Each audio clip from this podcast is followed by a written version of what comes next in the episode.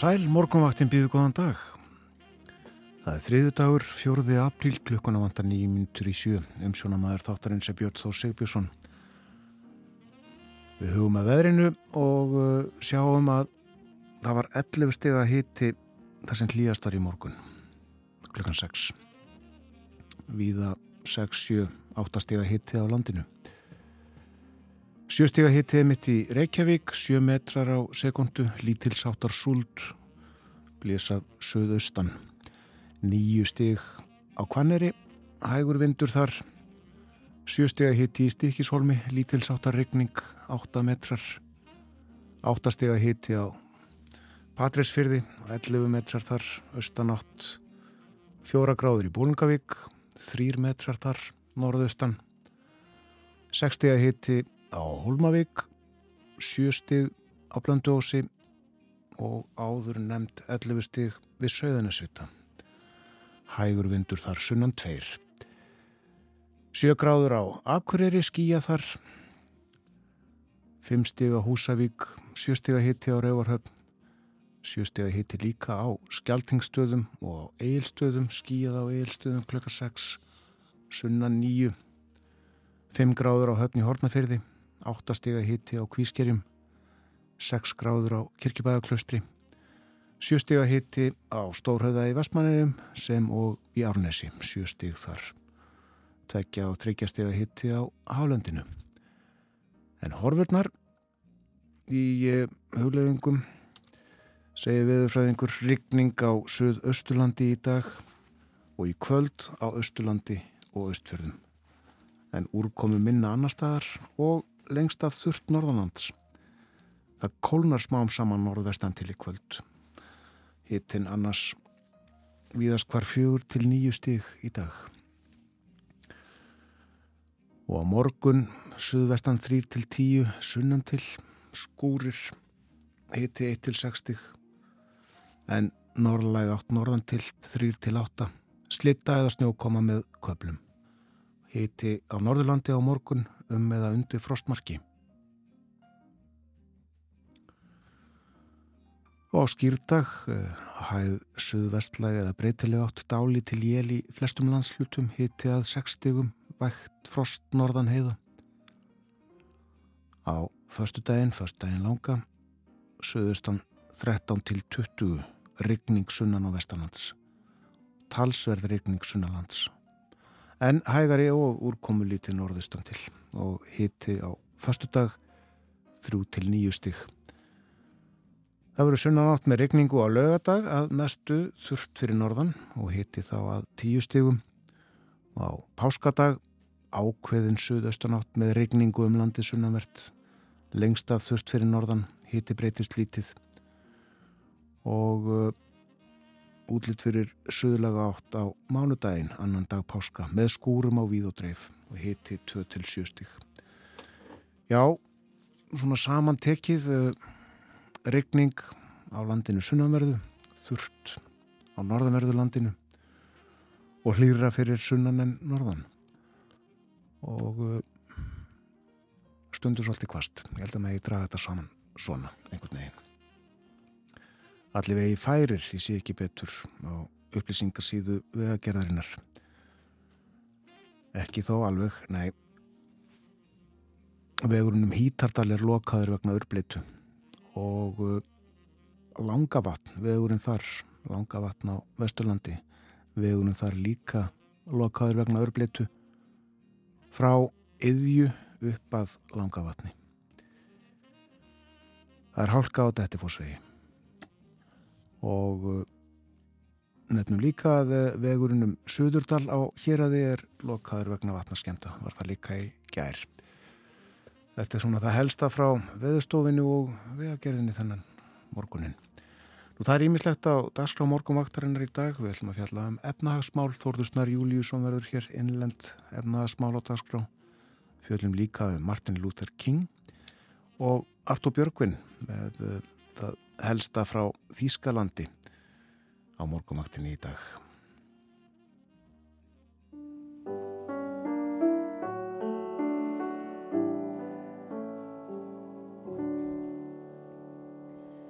Í fyrsta sinn ég sá þig um sumar fagrandag er sólinn skeinum heiminn bjartan geir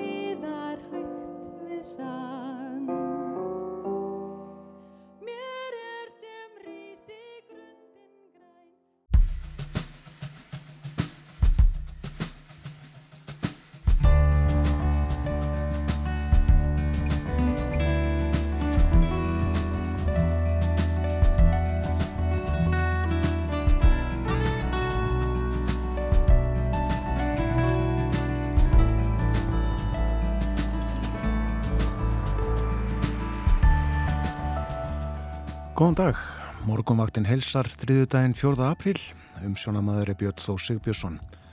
Efnahagsmál eru á dasgrá í dag, við Þórðusnar Júliusson ætlum að blaða í nýri fjármála áallin ríkistjórnarinnar. Hún gildir til 2028 velinn í nýtt kjörtímabil. Grunnstefið er að sportna gegn verbolgu og vakstahækkunum og það að gera með aðhaldi, sköttum og frestun framkvæmda. Svo er það sagan, 55 ári eru í dag síðan Martin Luther King, yngri, baráttumadur fyrir réttindum svartra, var myrtur. Við rifjum upp sögu Kings og ræðum um arfleið hans. Lilja Hjartardóttir stjórnmálafræðingur verður með mér klukkan hálf nýju. Og þetta verður Artur Björgvin Bodlason á sínum stað á þrýðu degi eftir morgun fréttinnar klukkan átta. Við sögu í Berlinarspjalli í dag koma meðal annars Karl Bretakongur sem var í heimsókn í Þýskalandi á dögunum og Merkel fyrirverandi kanslari sem hefur verið sæmt æðsta heiðusmerki Þýska ríkisins. Nú veðurhorfurnar sunnan 8 til 15 metrar dregur smám saman úr vindi og vætu en úrkomu lítið fyrir norðan í dag. Hitti á bylinu 4 til 11 stig. Sunnan 5 til 13 segir svo hér. Regning suð austan til þurft að kalla norðan og austanlands. Annars regning með köplum eða skúrir. Hægari vindur í kvöld og það kólnar talsvert og allvíða slittu eða snjójél fyrir norðan. Og morgun miðugudag breytileg átt 3 til 10 metrar, dáli til slitta eða snjókoma um landi norðanvert, annars stöku skúrir eða jél, hiti um og undir frostmarki fyrir norðan en að áttastegum síðst. Við líftum í morgumblæðið og uh, sjáum hér á forsýðu stóra mynd sem að tekjum var austur og hér aði einhver tíman á dögunum. Og á henni er það sem ætla mætti að væri hrindir en þetta er uh, stitta af hrinderi, ég held hún séur uh, járni og það var aðtapna fólk sem að koma henni upp þarna fyrir uh, fáinum misserum síðan. Og uh, nokkuð tilkomi mikil að sjá. Stór horn, tarfur tillir sér tignarlega og toppi klettabeltis, hvað ætli séu mörg tíu í þessu eila? 6, 7, já já. En svo er fjalla líka um uh, þetta riðutilfelli hræðilega sem kom upp að bergstöðum í miðfyrði í vestur húna á síslu og fella þarf 690 kindur vegna smitsins. Rætt hér við Trausta Hjálmarsson, hann er formaður deildar söðfjárbænda hjá bændasamtökunum. Og uh, hann segir að þessi sorglegi atbyrður ætti að vera kvartning til kynbóta eftir að gen með ónæmi fyrir riðuveiki fannst á síðasta ári. Og segir hugur minn er allur hjá því fólki sem er að glíma við þetta en það er líka högg fyrir söðfjárræktina í heilsinni að missa svona upplugt svæði úr ræktunar starfi okkar allra. Og segir að slíkt tap er ekki metið til fjár. Gríðarlega mikil vinna sér fyrir bí. Uppbrunni smitsins er óljós. Meira á landbúnaði en kvítlaukur í landi neðri brekku í dölunum. Þetta kvítl þar á að hefja sem sagt á þessum bænaðri brekku í dölunum á að hefja stendur til að hefja kvítlaugsræktun og það er tonnavís fyrirtækið er ekkið af hjónunum Þórunni Ólafstóttur og Haraldi Guðjónssoni rætt við Þórunni hér á fórstíðu morgunbladsins í dag og hún segir það lengi hafa blundað í sér að rækta kvítlaug hún hefur rækta fyrir uh, sig sjálfa. Og uh, þetta er lífrænræktun og gengur að sók þórunar út á að rækta þekjugróður sem að kemur í veg fyrir að jarðvegurinn fjúki eða fljóti burt og kvítlög skeirum er svo plantaði í moldina. Og þórun segir að þeir sem smakað hafi kvítlögin hjá henni, já þeir er ekki orð til að lýsa bræðgjáðan. Bændablaði kemur líka út í dag og á uh, fórsíðu þess má sjá uh, kjúklinga viku gamla, unga sem sagt. Þeir eru þarna í uppbeldi á Lampaga í Ölfusi. Það er fjalla ítalega um uh, kjúklingarækt í bændablaðinu í dag. Þrjú fyrirtæki standað allri aliföglaframleðslu í landinu á rúmlega 30 stöðum og umfang framleiðslunar telur 6 miljónir fuggla á ári. Framleiðslan namn 9500 tónnum í fyrra. Og fætla líka um kortrækt en uh, tveimur miljardum króna verður varðið á næstu fjórum árum til að hrinda aðgerðar áallun um aukna kortrækt í Frankvænt, Frankvænt nýri fjármála áallun ríkistjórnarinnar. Og hún er einmitt til umfyllunar hér í spjalli okkar Þórðarsnæris Júliussonar um efnahag og samfélag upp úr hálf átta. Það er að segja fjármála áallin. Nú fleira úr uh, blöðunum á eftir en uh, ég sé í dagbóka í dagurliðin 50 ár síðan að World Trade Center byggingin á Manhattan í New York var tekin í nótkunn með formleðri viðhöfn. Tví turnarnir var byggingin kolluð eftir turnunum tveimur þeim hestu í heimi um skeið en í rauð raun stóð World Trade Center saman af alls sjö byggingum, hinnar fimm voru mun mun læri en turnarnir frægu. Og hafist var handa við bygginguna 1966 en tveimur áram fyrr, 1964, þá var sagt frá áformunum í morgumblæðinu með eftirfærandi orðum. Ráðgert er að byggja í New York risastóra vestlunamiðstöð, World Trade Center, sem á að kosta rúmlega 15.000 miljóni króna. Tekningar hefur arkitektin Minoru Yamasaki gert.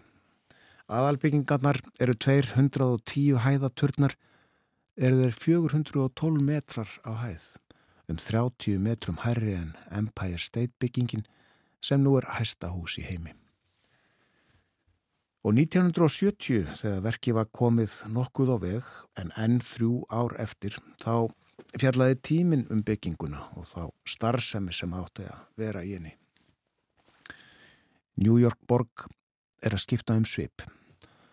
Senn munu tveir silfur gljáandi turnar gnæfa við heiminn á suður enda Manhattan þeir eiga að verða herri en nokkur bygging af mannavöldum fyrriða síðar nefnaði vera kynni Babelsturnin í árdaga. Þannig er að rýsa mikið Vestlunarhús, hið nýja World Trade Center sem nefnt hefur verið veglegasta bygging 20. og 1. aldar og þarna hefur líklega verið átt við 20. öld. Verslunarmiðstöðin er framtíðar draumur úr stáli, gleri og áli. Hún að vera tilbúin 1977 og kosta 600 miljónir bandarækjadala. Tveir turnar klættir áli, 400 metra háir með yfir 110 hæðum setja svip á bygginguna.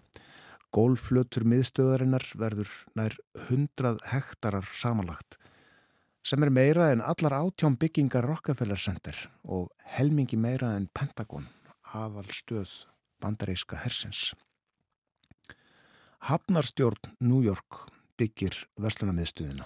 Hub New York er sjálfstæð stopnun sem reykur ímis fyrirtæki í og umhverfis New York og meðal annars Kennedy flugull, George Washington brúna og áætlunarbyrðir borgarinnar. Hafnar yfirvöld abla fjár til Frankvanda með verbreyfarsölu og uh, alveg eins og ríkiskyldabrjöfum þá fylgja skatta ívilnanir og hinga til hefur ekki verið erfitt að finna kaupendur. 1960 var farið að gera áallinir um byggingu verslunarmiðstöðarinnar. Ástæðan var mikil aukning allsjóðaviðskipta á árunum eftir stríð. Á 20 árum þrefaldaðist heims verslunin og sífælt fleiri fyrirtæki á markaði í fjarlægum hlutum heims leitaða nýjum tækifærum. Verslunarmiðstöðin er, henn er ætlað að annast ímiskonar þjónustu fyrir þessi fyrirtæki og þar á einni að vera undað abla viðskiptasambanda þar eiga hvers konar aðilar að geta rekið hverskins viðskipti. Í verslunarmiðstöðinni verða aðalstöðvar bandarísku tollþjónustunar. Stæstu bankar heims munu hafa útibúi byggingunni, flugfélög, útgerðafyrirtæki, járbrötafélög og svo framvegis. Munu þér allir eiga sína fulltrúa þarna. Helstu samgöngufyrirtæki bandaríkjana munu hafa það skrifstóður og þá verður þar allsherjar upplýsingamiðstöð eða heimildabanki. Geimslur heimildabankans verða þær stærstu sinnar tegundar til þessa. Þaðan verða upplýsingar sendar á sjónvarpskermi viðsvegar um bygginguna eftir því sem beðið er um. Og þar verða tekin ljósritt svo menn geti fengið skjóta og nákvæma mynd af ástandi í markaðsmálum hvar sem er, innflutningshömlum, toll ákvæðum, markaðshæfni og svo framvegis. Höfuð mikilvægi versluna miðstöðurinnar verður þó að þar geta myndast persónleg kynni millir þeirra sem að verslun og viðskiptum starfa í því umhverfi sem hæfir alþjóðaverslun. Í byggingunni verða stöðut vörusýningar og kaupstefnur til að laða af gesti. Byggingarnar eru umhverfis tork og minnir þetta skipulag á Hallir í Fenegjum og það er engin tilvílun. Arkitektin Minoru Yamasaki frá Seattle fór til Feneja til að leita hugmynda og árangurinn var meðal annars bógagöng sem umlikja gósbrunna og höggmyndir úti fyrir byggingunum. Undir torkinu og byggingunum eru sex neðanjarðar hæðir með bílastæðum fyrir 2000 bíla. Stöðum sem annast samgöngur við járbrauta og neðanjarðar brautakerfið, vörugeimsla og svo framvegis. Beint undir torkinu verður stór verslun og í einni af lægri byggingunum hótel með 600 herbergjum. Það hefur ekki verið átakalust að byggja miðstöðina. Hún stendur á gömlum sjávarbotni þar sem skip hollenskra skinnakaupmana lágu fyrir akkeri á 17. öld. Það er stuð að grafa 20 metra niður til að fá fasta klöpp að byggja á. Og einni þurfti að íhuga fjárhagsleg atriði. Fram til þessa hafa menn álitið að ekki var í hagkvæmt að reysa herri skíakljúa en 60 hæður. Þegar herra var í komið tækju liftur og styrtarvekkir of mikið rými. Og þess vegna var fundið upp nýtt kerfi en sankant því bera útveggirnir sem eru klættir áli mestan þunga byggingana. Og því næst var búið til nýtt liftukerfi sem byggist á því að skipta turnunum tveim niður í hluta. Hraðliftur nema staðar á tveim hæðum turnana auk jarðhæðarinnar. Ætli einhver upp á 8.700 hæð þá fer að með hraðliftu á 7.800 hæð en þaðan áfram með hægengari liftu. Þetta skipula gerir það verkum að er 104 liftur sem er í kóru háhísi taka aðeins 13% af öllu húsrýmiðira. Venjulegt liftukerfi hefði tekið 23%. Liftunum er ætlað að flytja 250.000 manns á dag og þær verða fjárstýrðar og byggtíminn í lámarki. Og þá verða byggðar hraðgengar liftur sem rúma 55 manns.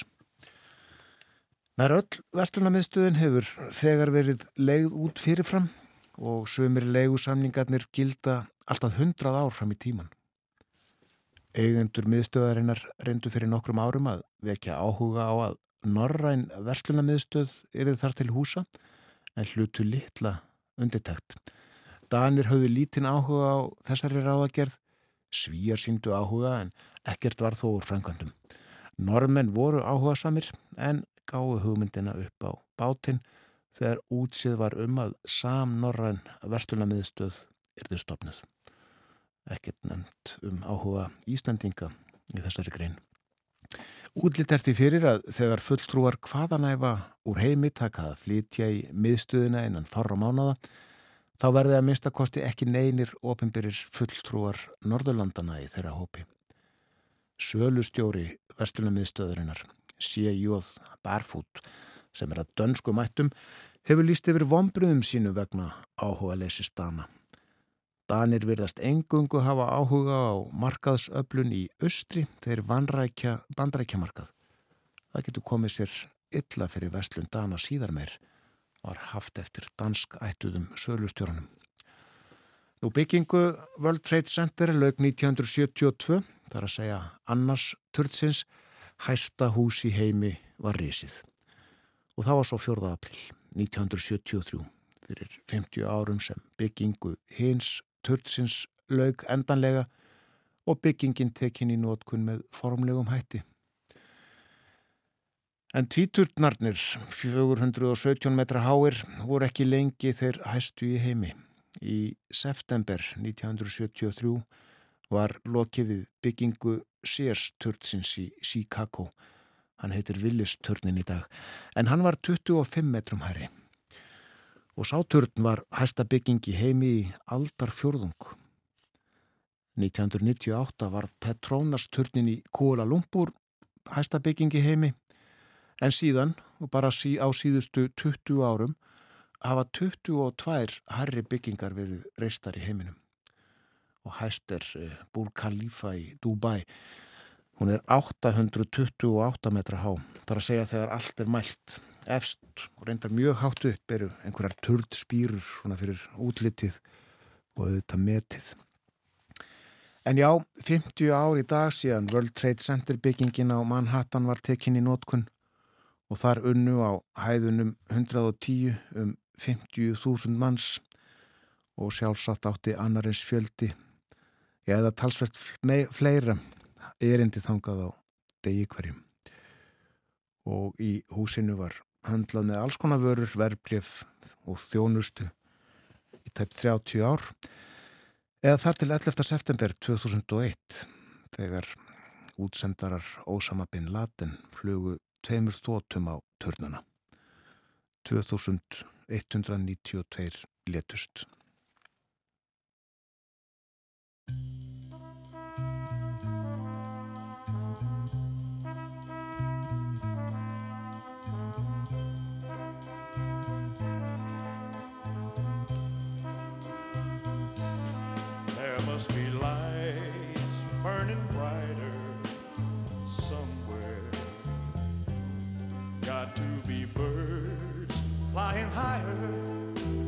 Sky more blue.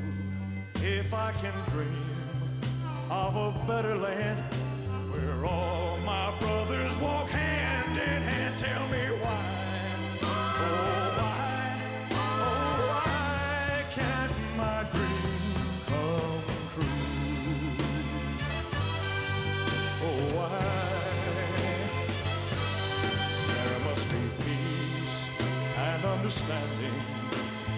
sometime.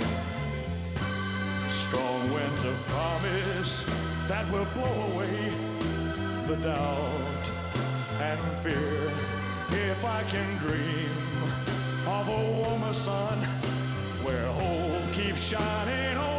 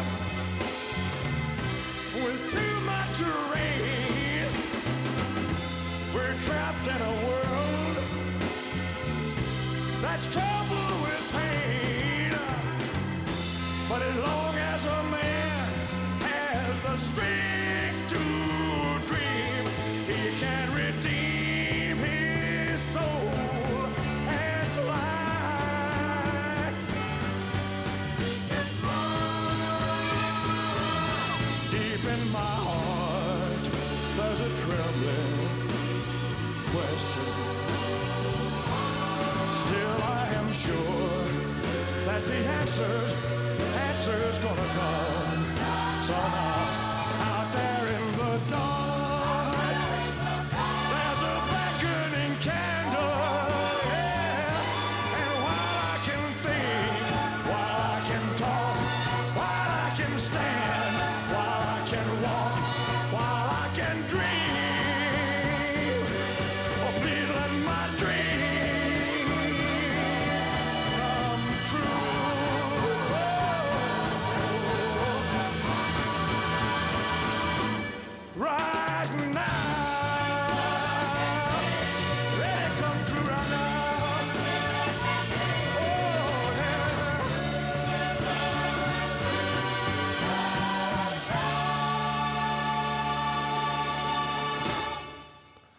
Elvis Presley, If I Can Dream. Í dag eru liðin 50 ár síðan að Martin Luther King yngri var myrtur. Baráttum aður fyrir mannréttindum svarta, svartra. Og íslensku blöðin sögðu frá þessu á forsýðu Dr. King myrtur, saði tíminn. Heimur Harmi Lostin, saði Alþýðublaðið. Þjóðarsorg í bandaríkunum á Pálmarsunnudag, saði Morgunblaðið. Og þjóðvilling reyndi frá því að við fréttina af morðinu hefðu kynþáta óerðir blossað upp í um 30 borgum í bandaríkunum.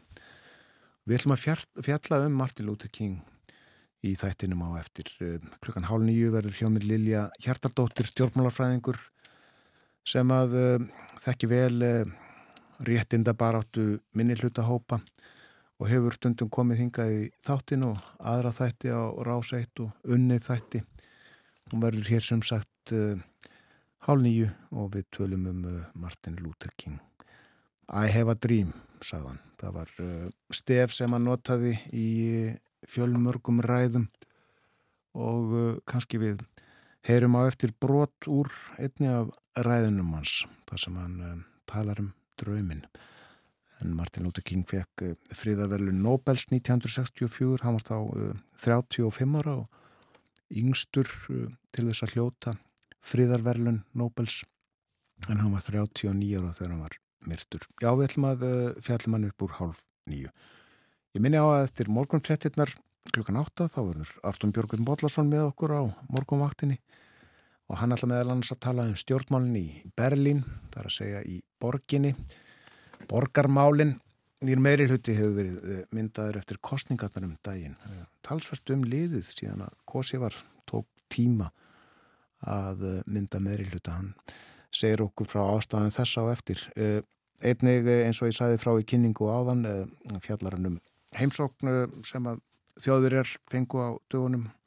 Karl Bretakongur var í heimsókn og uh, svo er það Merkel fyrirverandi kanslari sem að uh, nýverið var uh, sæmt orðu æðstu heiðus orðu Þíska ríkisins lárviðar orðunni en uh, hér eftir fjettaði litið sem að kemur eftir uh, fjóra mínútur uh, þá verður hjá mér Þórður Snar Júliusson Rittstjóri, við ætlum að tala um efnaðasmál við ætlum að blada í fjármála, fjármála áallun ríkistjórnarinnar sem að kynnt var á dögunum.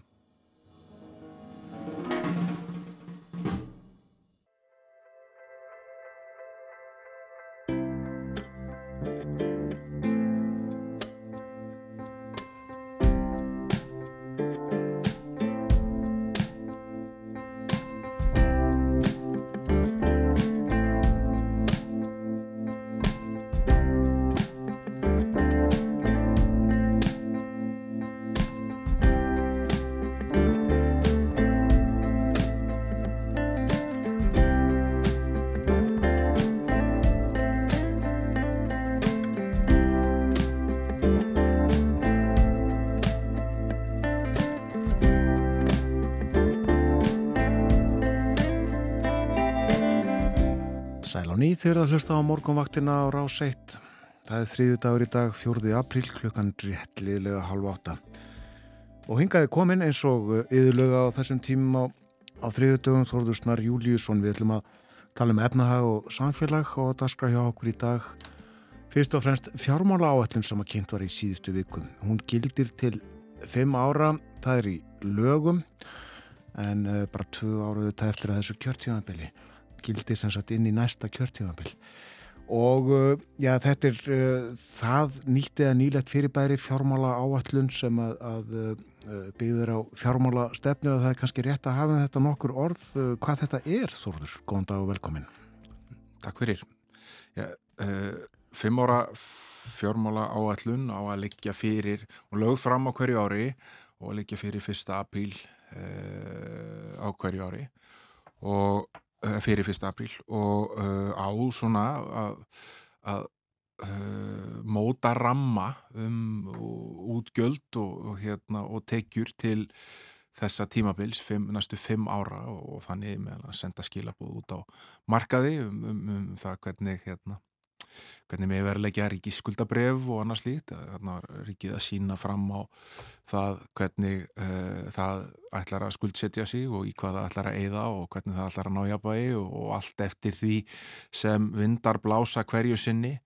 Uh, núna auðvitað er hérna uh, var tilgangurinn og, og skilabúðin sem átt að senda út með þeirri fjármála áallun sem var lögð fram núna það að, þú átt að berja niður verðbólgu og slá á þá þenslu sem er í hækjörunu og svona sitt sínist hverjum um það hvernig til hafi tekist. Eh, ekki allir á því að, að, að, að það hafi uh, þau skilabóð sé þarna að finna? Nei, en inn í þessa áallin eru svo fjárlög hvers ás sniðin, má segja. Uh, Já, já, og, og eins og þú bendir réttilega á hérna í ingangnum þarna uh, þá eru þetta verið að leggja fram einhver áallun sem á að vísa veginn til fimm ára en í millitíðin eru þetta kostningar og það er alls óvíst að, að sambarileg ríkistjótt seti eftir þær og, og, og maður myndi nú ætla að flestar Eh, ríkistjórnir eða nýminstur af ríkistjórnum hvort sem það er til hægri vinstri eða, eða miðja eh, myndu vilja móta sér eh, sína eigin efnagsluðu stefnu. Já, akkurat. En já, það á að, að spórna gegn verðbólgunni og, og reyna að koma í vekk fyrir að það þurfa að hækka vextina en frekar og, og þetta á að gera með eins og segir aðhaldi, tekjöflun og frestun framkvæmda og byrja á aðhaldinu. Það er einhver svona almenn aðhaldskrafa uh, til alls uh, rækstursríkisins. Já, við skulum kannski byrja á því að þetta ríkið hefur rekið í gríðalum halla á endaföldum árum og út af koronaviru faraldrinum sem hefur haft veruleg áhrif á tekjuöflun ríkisjós og líka veruleg áhrif á útgjallarliðina og hérna vegna þess að ríkisjóði var beitt til þess að reyna að draga úr áhrifum Eh, koronavirunar á, á atvinnulíf og, og, og heimil og fyrirtæki og hérna auðvitað aukinn kostnæður vegna heilbæðisjónustu og þegar koronavirufaldunum skalla á þá var svo kvöldu skuldaregla sem hviður áum það að hérna að skuldir uh, ríkisjós megi ekki verða 30% af, ef 30% af landsamslu, hún var bara raunverið að tekja nú sambandi og síðan þá hafa skuldir verið yfir 30% af landsframherslu og e, samkvæmt þessari áallun er gert ráð fyrir þau að þær verði þannig e, út að nái fyrst að verða 30% árið 2028 sem er síðast ári í þessari áallun og verði hann að svona rétt yfir dormi í 31% Já. þar yfir e, þanga til og það er áallad að að hérna þarf fyrir að drægi, úr áallum halla í ár fjárlögun sem voru hérna lögð uh, fram í, í fyrra haust þá er samt áallegar halli út árið 2027 frá byrjun árs 2023 út árið 2027 161 miljardur króna rúmur. Uh, þannig að það er gert ráð fyrir því ef við setjum þetta upp í bara samvikið við heimilsbókald sem að eða meira ennum öflum uh, á þessu tímabili það er rétt sem þú sagðir að það er aðhaldskrafa, svona almenn aðhaldskrafa, eh, hún er hækkuður 1% stíi í 2 Uh, og það á að leggjast á meir og menna allt, draga úr þá um 2% á, á kostnaðir einhverjar undan þáur þar frá fangelsismálur undan þegin sökum þess að þau standa bara ekkit uh, sérstaklega vel, miklir afplánunar, byðlistar og annað slíkt. Uh, lögregla er einhverju leiti undan þegin og einhverju rángar í, í hilbriðskerfinu, skólar eru undan þegnir eða ment og svona mentakerfið að einhverju leiti þannig að hérna og svo að fresta uh, framkvæmdum. Uh, það á að hérna fresta því að byggja viðbyggingunum við stjórnaráðið sem hérna hefur alltaf farið fram hjá mörgum að til hefur staðið að byggja í tölvöldlanga tíma þarna fyrir aftan mm -hmm. stjórnaráðsbygginguna og hún verður ekki byggð á þeim hraða sem lagt var upp með. Og svo á að uh, fresta byggingu uh, nýra höfustuð og svona samhafinga miðstuðar uh, alls konar viðbrags aðeila sem hefur staðið til í, í lengri tíma. Já, búið að finna loð þarna við klepp held ég. Já, sagt, já hann heitir sagt, sam, samhafinga miðstuð viðbrags aðeila Þessar, þessi frestun, þessar tvekja bygginga á að spara 2,9 miljóðum í, í afkomubata og uh, aðhaldsgrafan á að skila uh, já, einhverjum uh, 2,5 miljardi líka og, og svo er all, allt í allt á aðhaldi að skila 9,9 miljóðum og restin er bara óútfært, óútfærðar rástafanir sem eiga að skila 4,5 miljardi. Já. Þannig að þetta er nú þarf fyrir að þetta sé mikið skjál voru að fjármála áallum þá er nú sannlega ekki allt útfært eða naglfest sem það er sett fram. Nei, það er eitthvað sko látið ráþránum eftir að finna út úr bara. Já og þetta kannski verið að fresta því að taka afstöðu til einhverja atriða sem hérna kannski næst ekki sátum innan uh, ríkistjórnar uh, en samt er til staðar viljið til þess að sína aðhalda þessari stærðagráðu. En var þetta frestum framkvæmda, uh, það er ekki slegið að þarna reysa íþróttahúsi í lögutalunni? Nei, ekki sangkvæmt fjármála áallunni og ekki heldur uh, ákveðið að býða með mm, samgöngubætur vegagerðana. Það eru auðvitað bóðað að uh, það eigi að fara fram eitthvað skonar endurskoðun eða, eða uppfarsla á, á hérna, uh, samgöngusáttmálunum hérna fyrir höfuborgarsveið sem er auðvitað risastór uh, framkvæmt bæði vega og, og almenningssamgangna framkvæmt, mjög kostnaðsum vegna ímins að breytinga sem hefði átt sér stað frá því að sam, það samkominlega var gert og þeirri uppfærslu á að ljúka í sumar. Eh, en þar spilar meðal annars inn í að stór luti af til dæmis eh, þeir fjármagnir sem ríkið ætlar að láta Eh, inn í eh, borgarlínu framkvæmdir og svo leiðis á að koma uh, úr nýjum tekjustofnum. Það sé svona tafar og flíti gjöldum sem er verið að lögð á. Þannig að þetta á svona nótendurnur eiga að fjármagna nótendur samgöngu kerir sig eiga fjármagna þær samgöngu bætur Og svo þetta selja líka Kjeldnalandið sem að fást fyrir einhverju miljardur líklega. Já, þetta var um, um uh, frestum framkvæmda fleira allavega nefna.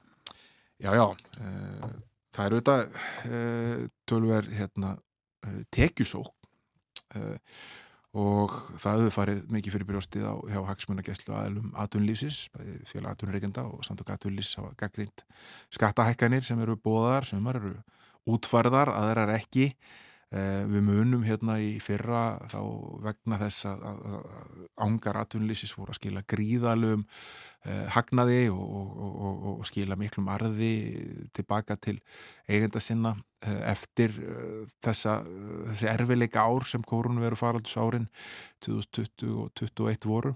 Eh, og þá var talað um kvalreika skatt og það var talað um, um, um að hækka bankaskatt og hérna og alls konar læti. Og þarna má svona segja að, að þarna sé kynntur til uh, sögunar mjög mildur kvalreika skattur. Það er uh, bóðað að, að, að skattur á, á fyrirtæki verði hækkaður um 1% stig úr 20 í 21 á uh, næsta ári og þetta á að skila, já, þetta skilar ykkurum kannski 5, 6, 7 miljörðum í, í ríkisjóð Mhm. en eru þetta ekki kannski að þeirri stærðagráðu sem margir voru að tala um e, í fyrra og e, lagður á, á tímabil sem er ekki svona allavega lítur ekki út fyrir að að verða ja, ábatasamt og það sem var hér á þessum kórunu veru tímum. E, það er einleið. Þannig eru þetta hérna verið að svona í að því að það verður að gera breytingar á veiðigjaldi. Eh, það er ekki útvært og það er ekki svona tekjusett hversu mikil svo breyting á að vera eh, og vísað í það að, að hérna, fjölmennasti starfshópur eða verkefna stjórn Íslandsögunar sem Svandi Svavastóttur hefur verið með að, að, hérna, að störfum eh, undir merkjum öllundan rokkar í, í tölvöld langan tíma muni skila sínum tilugum í ár Já, og það er á meðal annars að, að, hérna, að liggja fyrir hvernig, eh, hvernig á að rukka fyrir eh, afnót af fiskveiðuðlindinni til framtíðar. og það er von á því bara á næstunni held ég. Já, það og búið bú, bú, að bóða það í vor. Eh, svo á að hérna, láta fleiri borga fyrir það að keira. Eh, það er líka óutfært nákvæmlega hvernig það verður en, en, en, en gefið svona til kynna að, að það veri meðal annars með aflestir á kílómetrastöðu og þarna er verið að breyðast við þetta því að mun fleiri aukutæki eru ekki drifin áfram af jarðefna eldsneiti og, og tekistofna ríkisins sem eru notaðir í það að viðhalda gatnakerfinu eða samgöngukerfunum hafa dreigist saman þess vegna. Þannig að það áfara að láta uh, ramagsbíla eigundur og, og aðra sem nota vistvæna orkugjafa fara að greiða fyrir notkun á, á, á vegakerunum sem verður að teljast bara eðlilegt. Já, já, og, og, og, og svo á að draga úr skattaívilunum sem hafa verið líði, sem hafa ítt fólki í það að kaupa eh, rafmagsbíla og hafa auðvitað verið svona fagnað af mörgum vegna þess að þarna hefur verið að taka uh, vistvænari bíla í nótkun en líka verið gaggrind meðal annars vegna þess að þeir sem hafa haft efna á því að kaupa þessa vistvænum bíla og að fengi þessa skattaívillanir eru oft á tíðum betur sett fólk. Þannig að það eru skattaívillanir sem eru beint að uh, þeim sem hafa það kannski best og munar minnst um slíkar ívillanir uh, það er á að láta sjókvíaeldið borga meira uh, og að, hérna, því var frestað í lók síðast ás að, að hækka álögur á, á, á þá sem stundar sjókvíaeldi og það er endurvakið Já. núna í þessari áallun það á að draga úr stuðningi við byggingageiran og hérna sem hefur verið til staðar undir hattunum allir vinna og margir kannast við endurgreisla á virðisaukaskatti uh, sem hérna var hækkað upp í 100% uh, á tímum koronaviru faraldusins og, og samantækt uh, á árinu 2021 og 2000 2020 og 2021 uh, leiti það ljósa Íslenska ríki greitum 15 miljardar í svona endugreislur á þeim tveimar árum og það fór rúmlega þriðungur beint í vasan á bingageranum þetta var lækkað nýri 60% í september í fyrra og á nú að fara nýri 35% og hagsmuna gæslu aðlar uh, byggingagerans hafa strax látið uh, hátt í sér heyra og, hérna, og, og, og, og vara við því að þetta muni hafa mikil áhrif á, á getu þeirra til þess að byggja það húsnæði sem muni vanta til framtíðar. Um, þannig að þetta hérna auðvitað er tölvöbreyting og svo eru bóðar að mestu mjög útfærðar frekari gjaldtaka af ferðarþjónustu meðal annars að það leggja eitthvað svona gjald á farþegar sem koma hinga með skemmtiferðarskipum uh, og það verður mjög aðtilsvægt að sjá uh, hvað fleira er svona í pípunum þar en almennt á að hækka tekjur uh, ríkisjós, já, ykkur starf á pilinu 18-53 miljardar árlega yfir hérna þetta áallunatífumbil þannig að þetta er auðvitað mikið bil. Það er mikið bil, já, já. Um, Svo uh, eru inn í þessari áallun, það er einmislegt inn í þessari áallun og annað sem er ekki inn í henni. Allir inn í henni að það er að selja Íslandsbanka eftirstandandi hlut ríkisins í Íslandsbanka Þar liggi einhverju 10 miljardar? Já, það er áallega að það geti skilað uh, ríkisjóði um 100 miljardum þessi 42,5% 42 eignar hlutur en þetta eru auðvitað uh, pólitist uh, flókið verkefni vegna þess að enn er í gildi yfirlýsing ríkistjórnarinnar um það að bankin verði ekki seldur fyrir en að búið er að ljúka útækt og rannsóknum á síðasta söluferli.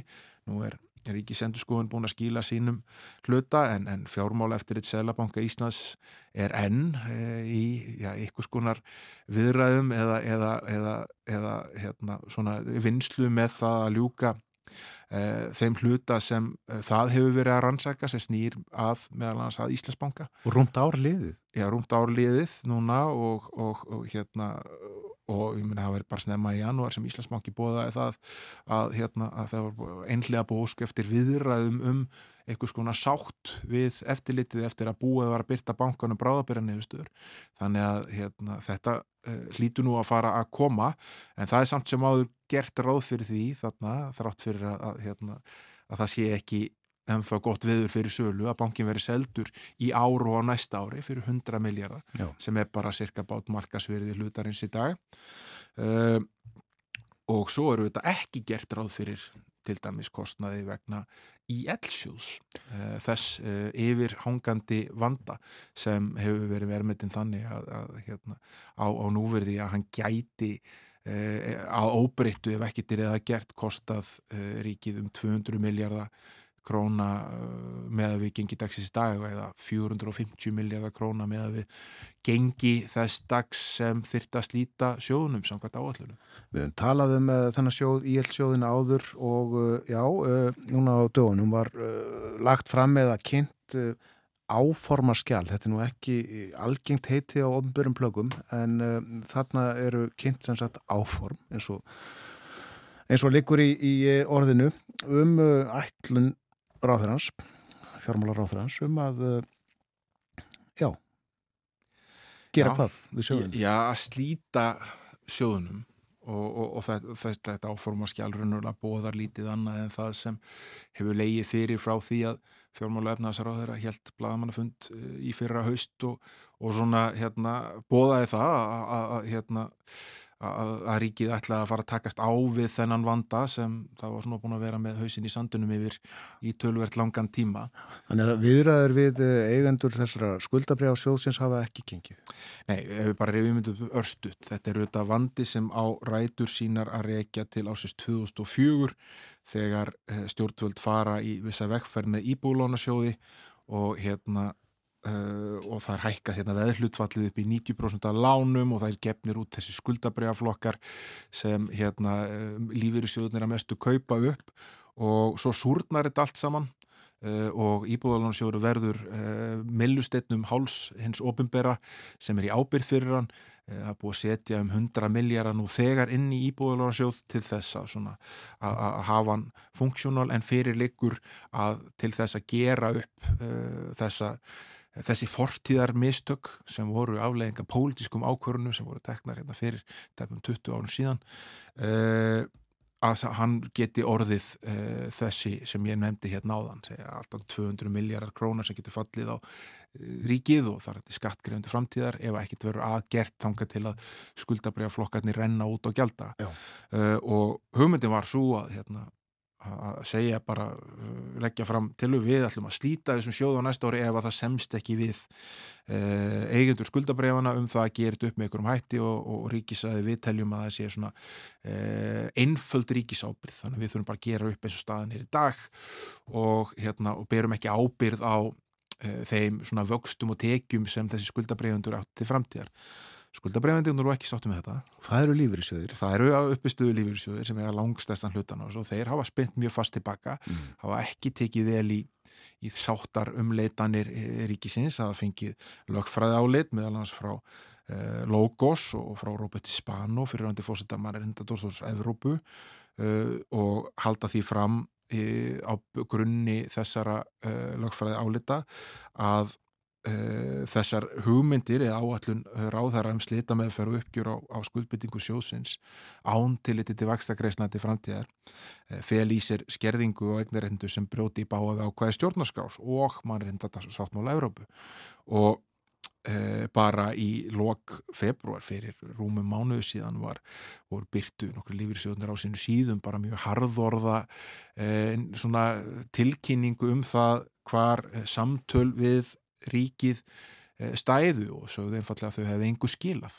Eh, það væri algjörlega óumflíðanlegt sögum þess að lífyrsjóðnir telli sig búa yfir lögbundu skildum um það að verja hagsmunni sinna umbjóðanda og tryggja þær greiðslur sem þeir eru búin að lofa þeim að þeir muni einfallega uh, láta reyna á allar mögulegar leiðir til þess að hafa af þeim þessar vaksta greiðslu til framtíðar fyrir dómstólum.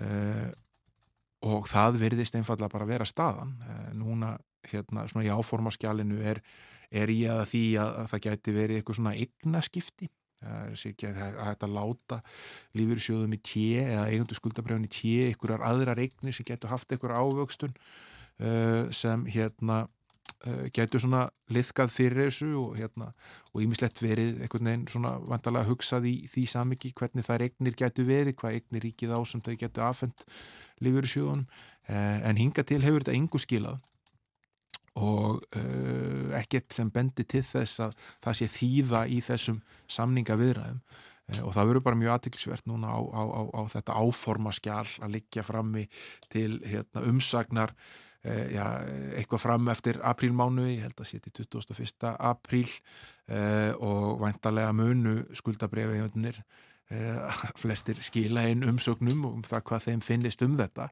Uh, og, og þar mun hérna, staðan ofnberast enn frekar. En sko fórsvarsmenn lífeyrisjóðana þeir hugsaði þetta auðvitað út frá hagsmunum uh, lífeyrisjóðana og skuldbindingu þeirra.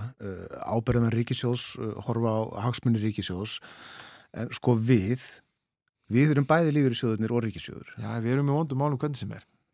Það er bara þannig. Annarkvort eh, grunnurinn er bara þessi sem ég sagði á hann hér var farið á stað í bara vekkferð sem var þjóðinni mjög dyrkift sem var þetta fyrirkomlagum íbúðulánu sjóð sem var innleitt hérna 2004 á grundvelli pólitiskra stefnumörkunar. Og allir eru sammála um það sem hérna rína í hvað hefur gert síðan að hérna að var ekki á endanum góð hugmynd væga sagt og hefur skilað því að hérna, að hefur kosta ríkisjóð mikla fjármunni og við sittum uppi með svartafjötur uh, annarkort sem lífirist þegar eða sem skattgreðendur Já, er, er þetta að finna út úr því sko hvort er betra fyrir almenning?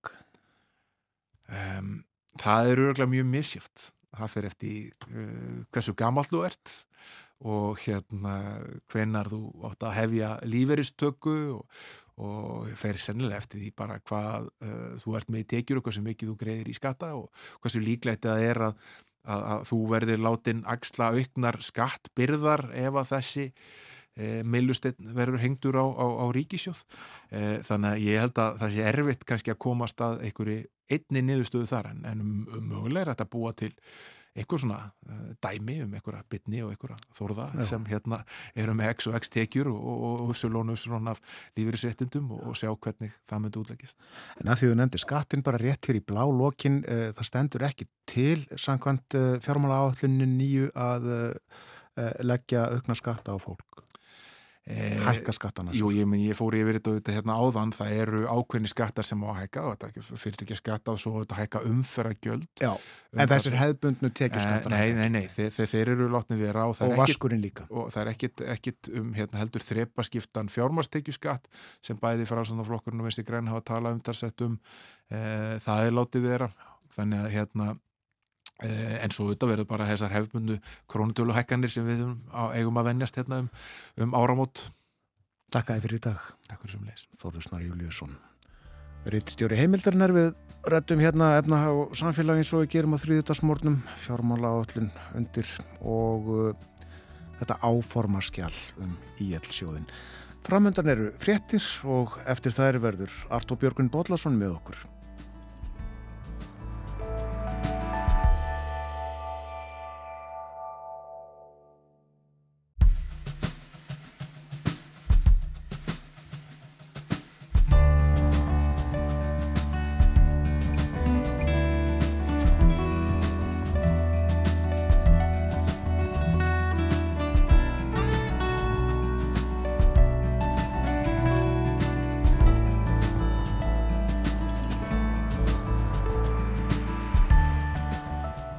aftur þér að hlusta á morgunvaktina á rás 1 klukkan farin að ganga nýju.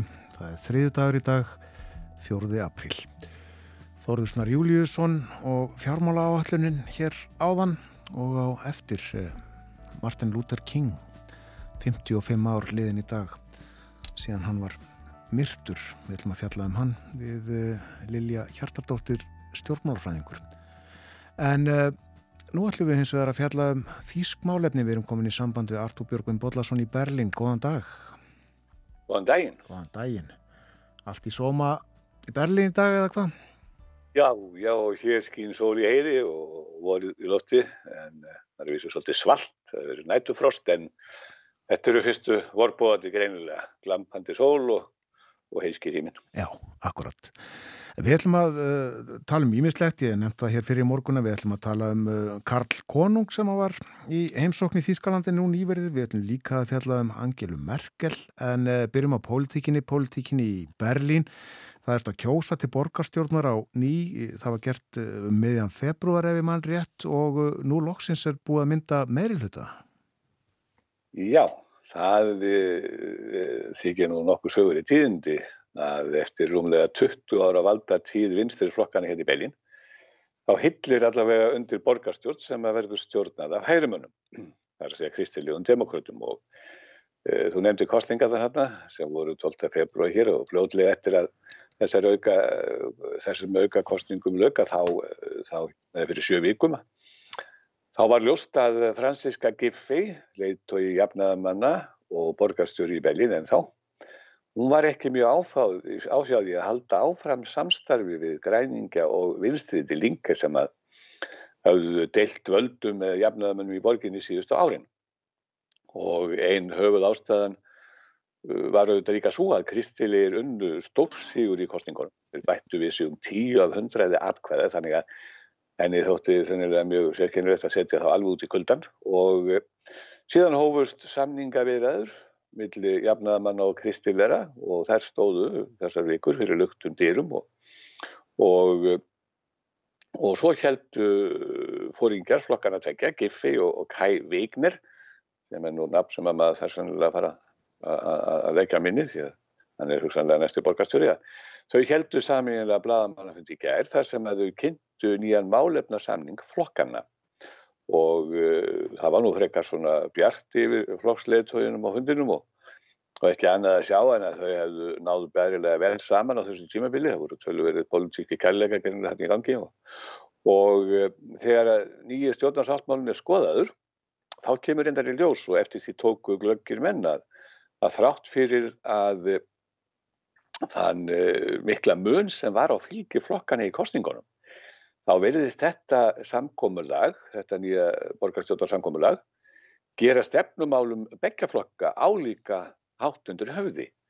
Vigner er leiðtói kristilega og sennilega verðandi borgarstjóri, ég segi sennilega, ég skal nú skýra það eins og æstir, að hann ítrekkaði sem sagt á blaðvarafundunum þá skoðun að hann hefði ekki lagt neina áherslu á að stjórnarsáttmálinn bæri skýrt handbrað hans eigin flokks, þar að segja kristilega.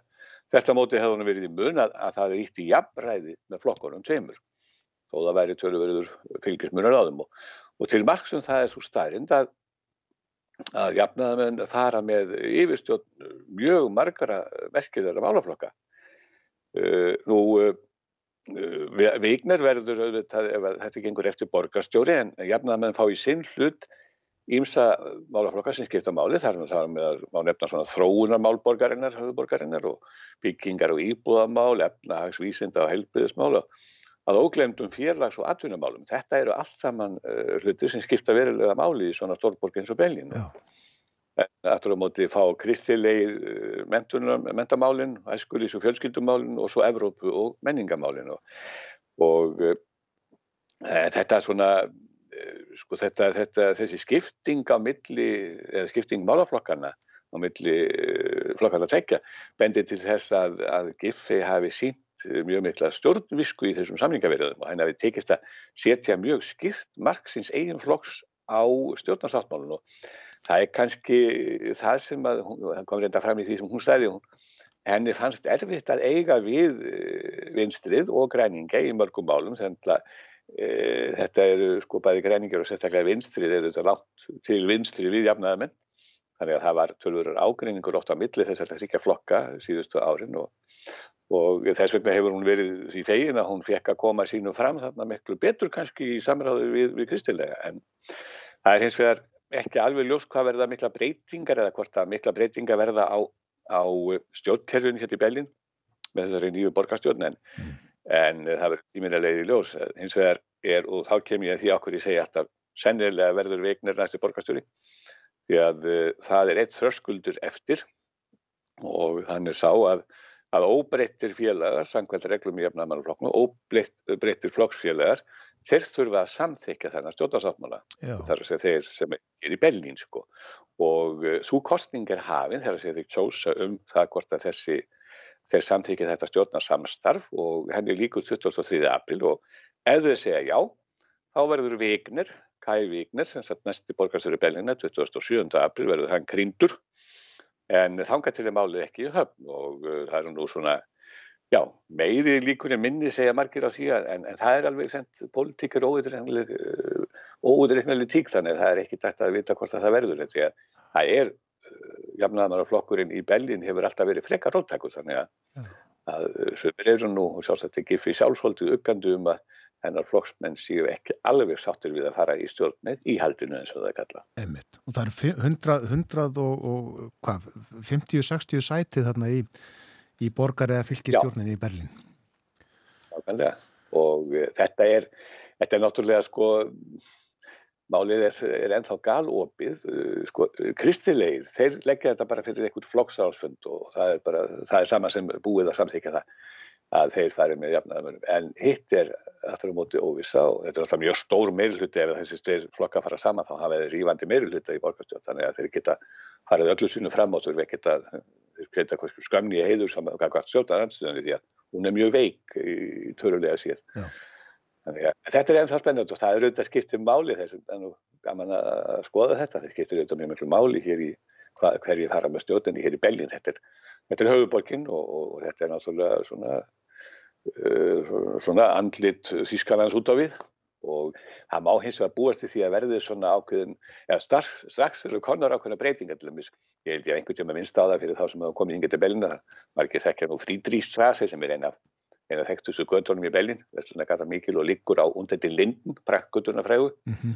liggur bent að það er búið að vera ægilega mikið uh, hafari út af því hvort að bílar er að keira þegar ekki einn daginn er búið að loka fyrir bílaðum fyrir og annan daginn er búið að opna fyrir hann og bara, og svo með bara hjólverðarmenn fara og svona, þetta er búið að vera ægilegt svona ping-pong og eh, eitt af því sem stendur skýrst í stjórnarsáttmálunum er að þessi gata verður opnur til frambúða fyrir bílaverð, þannig að menn vita það allavega, en það er nú ekki mikið í annar sem er á hreinu. Það er nefnilega það, já.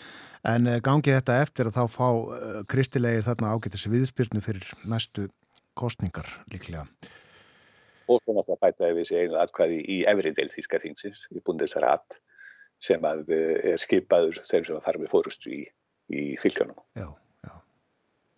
Ef að tala um uh, Karl Konung. Já, ég nefndi það nú hérna áðan að, að, að, að mögulega er þessi viknir krýndur borgarstjóri uh, Berlínar 27. april uh, og ég notaði þetta aðalega krýndur af sérstaklega ástöðu vegna þess að Hinga kom ókryndur kongur um daginn, það er að segja breyta kongur sem er ekki búið að grína eins og allir vita mm -hmm. en hann er orðingur og ógryndur og hann heims á Þískalandi í síðustu vik og var hérna í tótaði Belin og það er aldrei mekkelt þetta var fyrsta ofinbera auðanlandsferð Karls breyta kongs uh, eftir að hann varð kongur og ógryndur sé. Og það er ótt að segja að hann hafi leikið hér á alls otti Hann uh, staldraði til dæmis á samt Þískarlandsforsetanum Steinmeier við Brandenborgarlið og þar gekk hann inn í mann og þröngina má segja bara og hristi þar hendur fjölda fólk sem hefur sapnað saman til þess að hillan og hann var svo gríðarlega alþýðilegur í fasi og afslappaður í fengöngu þegar hann heilsaði þýskum aðdáðandur sínum og með handabandi að, að það var auðvitað að lífverðið voru gerðsamlega á nálum þeir voru mjög titrandi og óryggir og mistu heyrnabúnaðin úr eirónum og hvaðina. Eh, þeim leist ekkit á þetta hvaðan fór nærri í fólkinu og, og var nú búið að veita fólkjunu held ég þegar kom þannig inn. En allavega eh, þá var hann svo búin í kvöldverð í Sloss Bellevue sem er þíska fórsetahöllin hér í Bellin og þangaði búin líka 170 manns úr ofnbyrju lífi til þess að heitla kongin og, og snæða með hann og það var ram þískar, ram þískar kreisingar voru þar á borðum. Og það var ekkit, eh, það var ekkit ellend uh, þar framborið.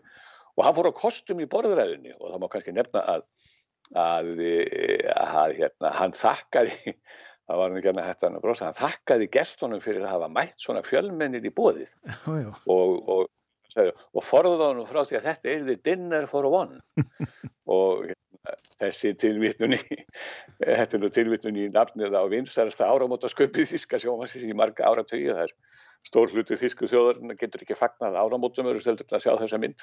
Einmitt. og þetta vakti ómælda káttinn í gestana. Þetta er, þetta er mjög fræg, fræg uh, mynd sem hefur verið sínt hér í marga áratíu og reyndar til hér áramótunum í mörgum öðrum löndum og, og svo mjög helt breytakongur áhrifa mikla og uh, svona, ræði í þíska þinginu uh, í búndistak þar sem hann sló líka á léttastengi og þingmenn gerðu mjög góðan róm að henni nema þá þingmenn vinstinsins eða til dinga sem að höfðu orðið að það væri nú ekki við hæfi að kongur var að tala í, í þjóðsþingi ríkis sem að ríkti bara reynd líraði mm. en, en það var svona það nú, voru nú rættir sem voru mjög hjá Róma. En það var til þess tekið að, að þjóðverðar og ekki síst belginabúar e, þeir hefðu tekið konginu með opnum örmum og e, það á sér auðvitað vissar ástæður. Og hérna það er náttúrulega þá komu ættræðingar í spilið og bentu á að sem að hann reyndar ekkit leyndarmála að Karl er náttúrulega Karl Bretakongur, hann er af þýskumættum og uh, það var þannig að á 19. öld var þýsk prinsessa, nú förum við í smá eindri að segja, þetta gaf hann að reyfi ævindiri sko að prinsessunum. Uh, þá var þýsk prinsessa og hún hétt Louisa. Og hún bjó í höllinni Frídenstein í bænum Góta í Þýringalandi eða Týringen, svo heitir því. Og maður hennar, hann hétt Ernst og var frá Kóburg og líka var settum og þau uppnöðust tvo síni og annar þessar svona var Albert og 1839 þá hitti svo Albert uh, Viktoríu nokkra og kventist henni. Og þetta var langa, langa, langa Elisabetar, móður Karls. Þannig að hann er komin beint af ágætu, þessum ágæta Albert. Og, uh, og við vitum það nú að drottingin lest á síðasta ári en, en Albert þessi prins af Kópur hann var sagður að það hefði verið frekar myndalegu náðungi og, og, og einn af höfuð ættfræðingu Þískarlands í, í kongamálum hann held í fram á döðurum að, Karl var í lifandi eftirmynd þess að Þíska forföðu síns. Og uh, hafi sko uh, sjálfsagt er nú þetta þessi, þessi uppbrunni breyta kongs er sjálfsagt hluti af vinsaldum hann sér. Og svo er náttúrulega spurningin sko Uh, hvort að þjóðverðir eru svona hrifnur á því að þá hafi kannski, eða dreymi kannski undir niðrið um það sjálfu að eigna sin eigin kong, það er aldrei vita og, og hérna, það eru konungshollir í gegnum tíðin og, og þeim finnst kannski ekki nóg að fá svona lánaðan kongarnarslægið þá hann sé hálfþýskur eins og ég segja.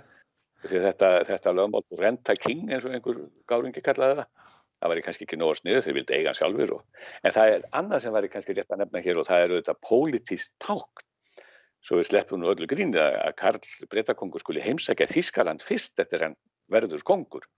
Og, og það eru þetta svona ákveðinu vísbendingum, uh, já það er svona ábending til Evrópusambansins má segja, Evrópusjóða og, og hann uh, vilji svona ítrekka stöð stöðning bretta við Evrópusjóður og, og kannski einhver smá ábendingum að hann hafi verið alveg sáttur við Brexit-bröltið á landar sínum Boris Johnson. Mögulega. Þetta er náttúrulega, þetta er það sem að pólitíski skýrindur hér að verða velta fyrir sig að, að hann svona vilji eh, sína samstöðu sína og breyta með, þessum Evrópu og með og Evrópusambandurum. Byggja brýr þarna milli.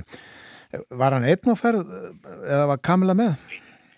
Var með hann og með hann. Hún var nú ekki einn stölu eða fyrsta hendur en, en hún var með honum og, og svona þegar það fari að gera þá var hún auðvitað í einhverju það er alltaf einhver kvenna dagskrá bursið frá öllum jafnbrettismálum að þá er alltaf svona konurnar þessara stórhafningi settir í einhverja sérstakka dagskrá þar sem það rápa með konum um bæin borgina, en hún var með honum, hún var með honum og ekki hann að sjá henni því að vera að tætja henni líka fagnandi þó hún sé ekki sko með Nei, Gott, gott. uh, Þá er það Angela Merkel sem á, á dögunum fekk uh, mikla orðu, mikinn heiður og síndu mikill heiður í heimalandinu. Já, það er að segja að hún er að fá það núna í þessum mánuði. Eh, Það er búið að tilnefna hana sem orðu hafa og uh, hún fær sem sagt uh, æðstu viðurkenningu Þíska ríkisins, það er náttúrulega flókið nafna þessari orðu, þetta er svona yfirrittara, sko við um einhverja stórrittara uh, orðu, fólka orðinu, stórrittara krossinu í íslensku fólka orðu, þetta er ekki það? Já, það er einhver stig orðunar, sko. Já, þetta er sem sagt allavega þriðja stig orðunar. Það fá engir í stíg. Fjörðastígin var bara þeir sem verið fórsetað þýskarnas, þeir fá það sjálfkrafa. Og mikið af þessum orðum eru náttúrulega bara sjálfkrafa orður sem embættismenn fá fyrir það að verða embættismenn og fá hægt embætti. En allavega þessi orða, hún hefur ekki, henni hefur ekki verið saldrað svona eins og orður stundum er saldrað á milli fólks eða saldrað út, út, út, út í þjóðinu.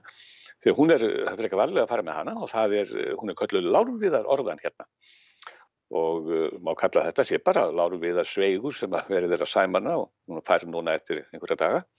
Og uh, það er ekki nema tveir sem hafa fengið þessa uh, æðstu eða næst æðstu orði eða æðstu fyrir utan fórsett orðuna e, áður og það er Adenauer og Kohl, tveir kallar tveir kallmenn, þeir hafa fengið hana. Þeir eru einu mennitin sem hafa fengið hana. Og uh, þetta er, svolítið hefur nú ekki þetta umtali eins og alltaf, ekki vegna þess að menn í sjálfur sér telja að Angela Merkel sé ekki vel að öllum heimsins orðum komin heldur hitt að að menn er að skoða sko hvernig farið er með þessa orðu. Uh, Adenauer auðvitað var uh, fyrsti kanslari Þískarlands eftir stríð þannig að það er auðvitað nokkuð ljóst og Kohl uh, fekk hana fyrir það að hafa uh, verið uh, svona saminningar kanslarinn eins og hann hefur verið kallaður og, og haldið um stjórn, stjórnantömmana þegar að Þísku ríkin voru saminuð á sínum tíma og uh, það er til dæmis merkilegt að Schäuble, Wolfgang Schäuble sem var mjög lengi fórseti Þíska þingsins bara þar til síðustu kostningum og, og flokksfélagi og samstarfsmaður Angelu Merkel, hann var til dæmis á dögunum og það er óháð orðunni reyndar, þá var hann spurður svona hver hann teldi vera svona áhrifamestu kanslaran til þessa, þetta er þetta reyndasti haukurinn í, í Þísku stjórnmálum og hann sagði að þar stæðu tveir uh, kanslarar upp úr það væri Brandt og Kohl, Vilji Brandt og Helmut Já, og, og þegar hann var spurður en okkur vilt ekki nefna Angelu Merkel, hún var nú lengst allra kanslari og hérna og Merkel kanslar, hann sagði já, sagan er nú að stýra úr um það hvort að hennar afrik hefur verið þesslega að hún kemist í þann hóp. En þetta er svona svolítið eh, já, skýtur svolítið skökku við og, og kannski máru nefna og árungar hafa verið að benda á það að Steinmeier, fórseti hann er náttúrulega fyrirverandi utryggisaður í ríkistjórn Merkel og það er hann sem veitir þessa orðu og uh, bæði þurftu að þóla tölverð ámæli Steinmeier og Merkel fyrir að vera allt og bláeg kakvart einræði serjarnum og sklepa í Moskvu sem að heimurinn stendur nú, nút af og en svo spyrja mig líka og okkur hafa brand, vilji brand og smitt okkur fengur þeir ekki þess orðu þeir er náttúrulega sprand til dæmi sem að hafi áhrif til það og, og gerði mjög, laði mjög ekki skerfa mörgum til að samena östur og vestur á sínum tíma. En þetta er svona alltaf umdelt, en hún er allavega, en nú auðvitað talin ágætlega þessu komið þó að menn segir þessu svo kannski hefði aðrir átt að báta líka. en fólki er ekki sama um orðunar greinilega. Nei, fólk tekur þessar orður sem mjög hátilega og ólítið því gerist víða um heim þar sem að þeim er, þar sem ekki búin að fá það, fólk spyrst bara hvernig færð hana, akkur er ekki búin að fá hana. Já, En hérna er þetta ekki, þessar orður eru tekna mjög hátilega og það gildir almennt um orðuveitingar hér. Það eru vandlega yfirvegar og ekki hengdar á, hvaða dela sem er sko. láttum þetta vera alveg orðin í dag. Þakkaði kærlega fyrir Artur Björgum Bollásson. Ekki sem við leiðis. Berlina spjalla á þriðutugum á morgunvaktinni á Rás 1. Já, uh, nætufrost í Berlín og uh, hittast íð lágt þar en uh, sólinn skein, fallegu dagur, saði Artur Björgun okkur og uh, almennt er kallt sé ég í uh, borgum í Evrópu. Fimmstega hitti núna í París til að mynda, þryggjastega hitti í Brussel, fimmstig í London, 13 gráður í Róm hins vegar.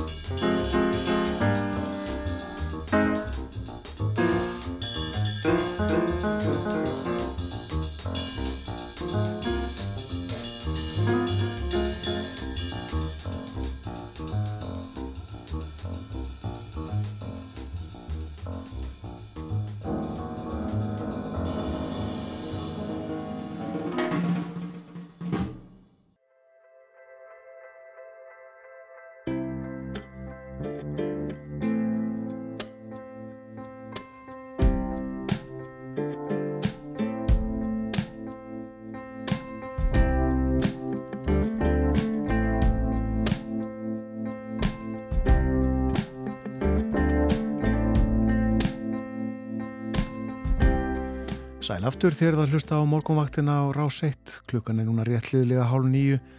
Ég ætla að hafa yfir hugleðingar veðufræðings fyrir ykkur sem voruð að vakna.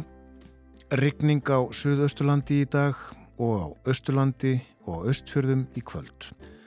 Mun úrkomi minna annar staðar og lengst að þurft norðalands. Það kólnar smám saman norðvestan til í kvöld. Híti annars víða í dag fjögur til nýju stygg. Í dag, 4. apríl, eru 55 ár síðan Martin Luther King yngri, baratumadur fyrir marréttindum svartra, var myrtur. Íslensku blöðin sögðu frá, Dr. King myrtur, heimur harmilostin, þjóðarsorg í bandrækjunum. Hjá mér er Lilja Hjartadóttir, stjórnmálafræðingur sem er vel heima í réttinda baráttu minni hluta hópa velkomin í þáttinn. Takk fyrir. Við ætlum að fjalla um þennan merkamann, það sem hann áorkaði og arfleið hans, en byrjum á manninum sjálfum úr hvaða umhverfi sprattan. Já, hann saði sjálfur að örlega sín hefur í ráðin við fæðingu. Hann var afkomandi presta og pretikara, langt aftur í ættir og alveg upp í kirkju.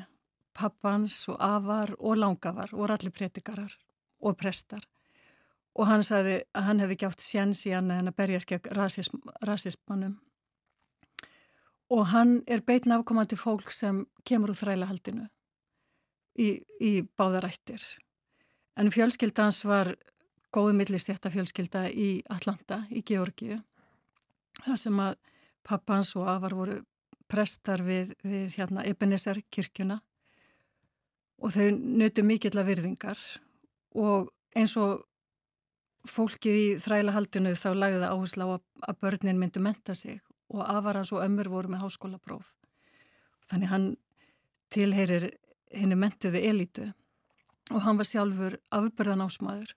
18 ára gamall, eða 19 ára gamall er hann komin með háskólapróf í félagsfræði og hann fer síðan í Guðfræði þar sem hann kynnis kenningum Mahatma Gandhis og hann verður þessi fíni fræðimæður sem tengir saman heimsbyggjikenningar og söguna og hann átti vísar stöður í akademíunni og hann og Coretta hefði geta valið sér gott og þægilegt líf sem hlut af mentaelitunni í einhverjum, eða hver sem var í bandaríkjónum. En Coretta sem var engum minni eldtugi og baráttu konin hann, að, að þau sem sagt eru samstíga í því að, að fara til Suðuríkjana, að, að hérna taka þátt í baróttunni og, og hann verður prestur við hennar sögufrægu kirkju Dexter í hérna Montgomery, Alabama árið 1954 þegar hann er á rétt, er, á, hann er, er að ljúka doktorsprófinu í Guðfræði. Og, og þannig eru þau komin eða Coretta var reynda frá Alabama þannig hún þekkti vel til. Og, og hérna en þau eru komin inn í hjarta bara á Suðuríkjónum í Montgomery Já. sem var höfuborg Suðuríkjasambansins sem var miðstu þrælaveslunar og, og öllu miklu umsvið sem tengdust við og þau eru komin í Suðurið það sem klanið er er enþá bara lifandi og, og, og fólki í Montgomery er, er þreytt og eiginlega örmagna og, og reyðin olgar yfir ástandinu er, og aðskilnaðastefnan er enn við líði húsnæði, þegar það kemur húsnæði, mentum fólks vinnu bara svart fólk er útiloka frá flestum gæðum.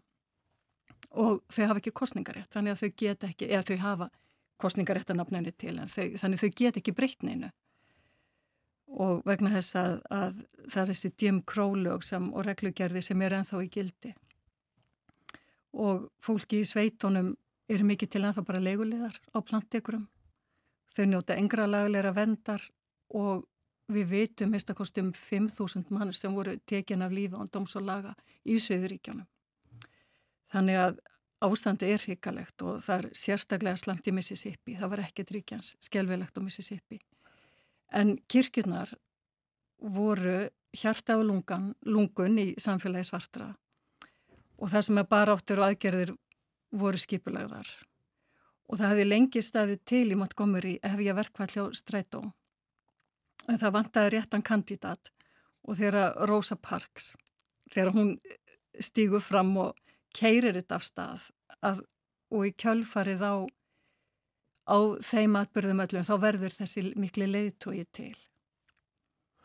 Og uh, þú nefndir korrettu þau uh, ganga í hjónaband, Kornung og hún stóð allar tíð við hlið Martins.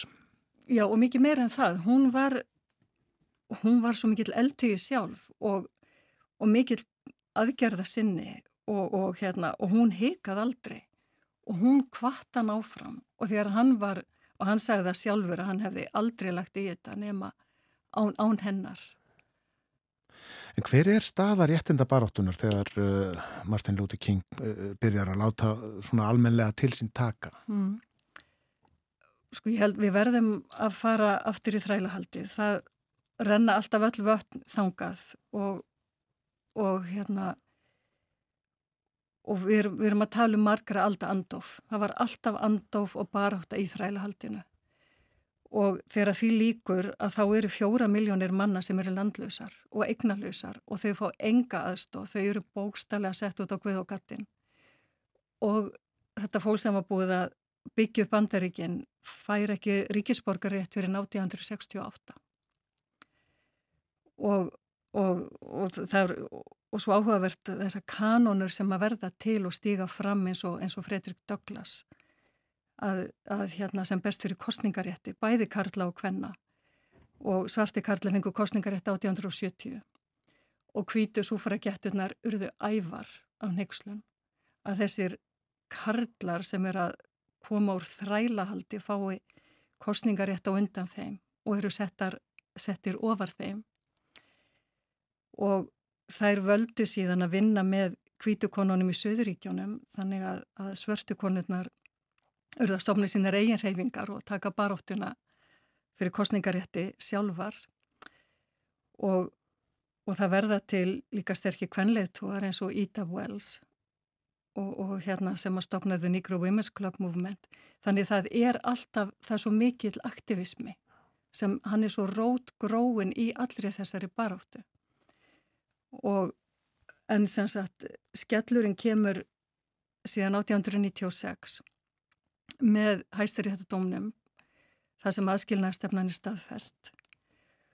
Og mismunun er og við þurfum líka að munna það að þessi mismunum var ekki bara í Söðuríkjónum, hún er líka í Norðuríkjónum og til dæmis Woodrow Wilson hann bara staðfestir þennan aðskilnað í störfum hjá Alríkinu 1913 Já.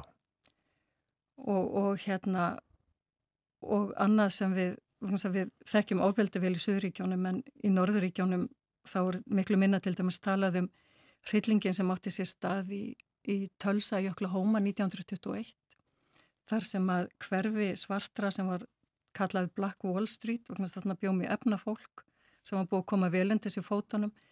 Þetta, þessu hverfi var rústað og þess endaði með því að 10.000 manns voru skilin eftir heimilislaus. Og þannig að ofbeldið er, er svo gengdaralust og, og, og, og 1909 þá verða til NACCP sem er ennþá verið mjög virksamtök og þau hafa lagt áherslu á þessa lagalegu baróttu og sem sagt að fólk fá réttlát, réttlát uh, réttarhöld og reyna að stöða þessar aftökur á dómsalaga sem ég nefndi á þann. Og þau náðu til dæmis þeim árangri að 1954, það tók allt áratöyu sko, að þá er, er máli Brown vs. Board of Education loksinn samþýtt í hæstarétti sem, sem bannar þá aðskilnað í menta, mentamálum, í skólum sem sagt. Já, já. Og við vitum hvernig það, hvernig svo bara átt að, hún stendur ennþá að Það var byllandi óreittlæti á í norðrinu líka, við heyrum kannski bara minna á því vegna þess að þar voru færri blokkum en heldur inn í söðrinu. Já, já, það voru og, og það líka hendar norðanmönnum svo vel að láta sem að rasismin sé bara í söðuríkjónum. Já, komið mikið við. Það, já, akkurat mm. og hérna en á meðan staðan hefur að mörguleiti meðan það er ekki alveg rétt en, en þau líti á sig sem svona þau væru, þau væru betri Já, En það hafði á ímislegt uh, breyst til batnaðar uh, þegar Martin Luther King kemur fram. Uh, réttar bætur höfðu fengist en svo er það hugafar fólks. Það er náttúrulega byllandi kynþáttafordumar. Já, algjörlega, algjörlega og hérna og er og eitthvað sem við erum er út um, við sjáum bara allstaðar í heiminum og það sem að það sem að þau velja að gera eða margindarhefingin velur að sína fram á að neyða fólk til að horfast í augu við, við þessa fordóma með þessari aðferð ofbeldisleisisins með því að sitja hjá og láta ofbeldið brjótast fram. Og þannig neyða þau hvita meiri hlutan og okkur öll til að horfast í augu, augu við þetta ofbeldi og eru að knýja þetta fram vegna þess að fólki í Suðuríkjónu var raun og veru valdalust og eru hveti, marittarhefingin er að hvetja fólk til þess að taka ekki þátt í kerfi sem gerir það valdalust en þetta var ekki ný baráttaferð heldur til dæmis voru stofnur samtök 42 kollu kór það sem að voru bæði kvítur og svartir og konur og karlar og svona skurungar eins og Póli Murray, James Farmer og fleiri sem voru farin að berjast gegn aðskilnaði í rútum eða í, í senst, transportation almenni samgöngu almenni samgöngu, takk fyrir björn. Húsnæði og, og, og fleiri og þau þannig að þessi barótt að var byrjuð. Og, og alltaf að reyna að sína fram á hver, hver staðan er. Og en þegar þau koma til Montgomery, King og, og Coretta þá, þá voru fólk svo innilega tilbúið að breyta hlutunum. Og þau voru lengi, það var búið ákveða að, að hérna boykotta stræt á hana. En þau voru að býða eftir sagt, réttum kandidat. Og, og þegar King kemur þarna inn að hann kemur, hann er mjög velkomin vegna að hann er ungur og hann er svo velmentaður og hann er svo, hann er svo til, til í slægin mm. og með baráttuandan og eldmóðin því fólk var orðið mjög þreytt. Og vegna þess að fólk var búið að búa við það það var búið að kveika það var alltaf verið að kveiki kirkjónu þeirra. Það var verið að kveika í húsum prestana og, og við veit að bara hjá þeim sem að reynda að skrá sig og kjörskrá heimilið þeirra þau voru sprengt. Ofbeldi var, var mjög mikið.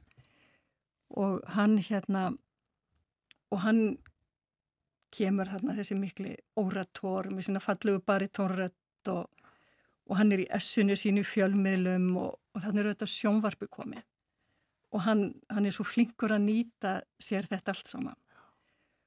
Og, og þarna er og þarna hittir hann fyrir hóp fólks eins og Djómar Robinson sem var profesor við Alabama háskóla.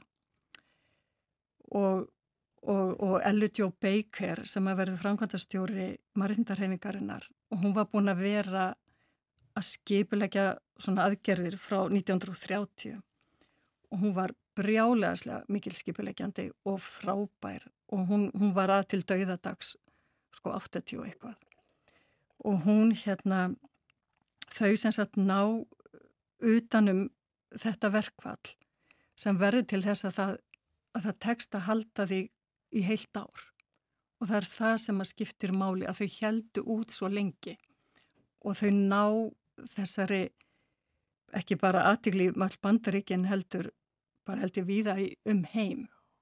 Og það, og það enda með því að þau höfðu fulla sigur. Já, og það gerist með samstöðinni? Það, það, já, gerist með samstöðinni og sínileikanum og að, að sína og þegar þau sjá að, að þau geta þetta að þá er komið byr í seglinn og, þeir, og þann, þannig búið að stopna þessa margættinda hreyfingu sem að, sem að heldur svo áfram. Og, og hérna og King 1960 þá faraðu til Atlanta þar sem að, að þau, þar sem margættarhefingi reku svo sagt, næstu, næstu göngur og bara 63 að þá er, er eru þeir komin til Birmingham og King veit að ef hann sigrar O'Connor, eða Bill O'Connor, þennan mikla rasista, að þá verði eftirleikurinn auðveldari. Og hann sem sagt er að masserar þarna í Birmingham í júni 63 og prestar í bandaríkjónum byrta ákalli í blöðum þar sem þau svona byggja hann að róa sig og svona býtu hlutinni breytast. Og hann skrifar þetta fræga bref úr fangelsunni í Birmingham þar sem hann segir við erum búin að býði þrjára aldir. Og, og í staðis að segja okkur að sitja og þeia og býða hvernig væri að þið sem myndi sín okkur samstöðu? Þið sem að veljið að sitja hjá og þeia og hann sagði líka ég hef ekki áhyggjur af veist, rasistónum, ég þekki þá, ég veit hvar þeir standa en þið hinn sem að sitið alltaf hjá og veljið þögnina og hann fekk hann einhverju leiti og þetta sama ár í ágúst og það verða 50 ára núna 28. ágúst frá göngunni frægu í Washington Já. sem sett ég á mér draum og það er svo áhugavert að við veljum að að muna þetta já með draumum og börnum minn hafi betra líf etc. etc. þegar hann er miklu harðorðari og hann er að tala um skömm Amríku og hann segir Amríka hefur brugðist og verið traumatiseruð og og, og hann ræði til dæmis lauruglófbeldið og, og hérna en þannig er hann komin á á stóra sviðið. Eldilis Hlustum á brot úr þessari ræðu. Uh, mm. I have a dream, hann notaði þetta í mörgum ræðum uh, á, á nokkur ára tíðanbili en mm -hmm. ég held að þetta sé brot úr ræðunni emitt í uh, Washington í loka ágúst 1963 mm -hmm. Even though we face the difficulties of today and tomorrow, I still have a dream. Yeah. It is a dream deeply rooted in the American dream. I have a dream that one day this nation will rise up and live out the true meaning of its creed. We hold these truths to be self-evident that all men are created equal.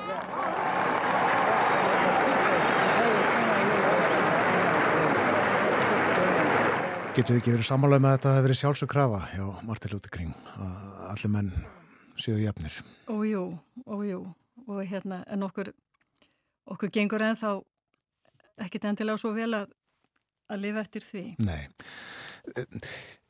Egu, já, hæ? Nei, bara hvort við erum að halda áfram með þessari með, með baráttunni að kannski fólk þekki mjög vel þessi hérna atbyrðin á, á Pettusbrunni í Selmu í, í Alabama og bara ofbeldi sem hann næra sína fram á og, og hérna og hann bara hjælt áfram þar til að þau voru búin að ná fram lögjöfunni um, um sem sagt þessari marginda lögjöf 64 að en þar, það fór ekki gegnum þingið fyrir en eftir morðið á, á John F. Kennedy að hérna anstæðan var, var gífurleg bæði meðal demokrata eða Suðuríkja demokratana og, og hérna en, það, en Jónsson tókst að koma, því, koma þessari lögjöf í gegn. Já. Egu við honum margt að þakka? Sannarlega, sannarlega. Og, og ræðunar hans eldast vel. Og hann var tilbúin að stígin í hvaða stað sem var.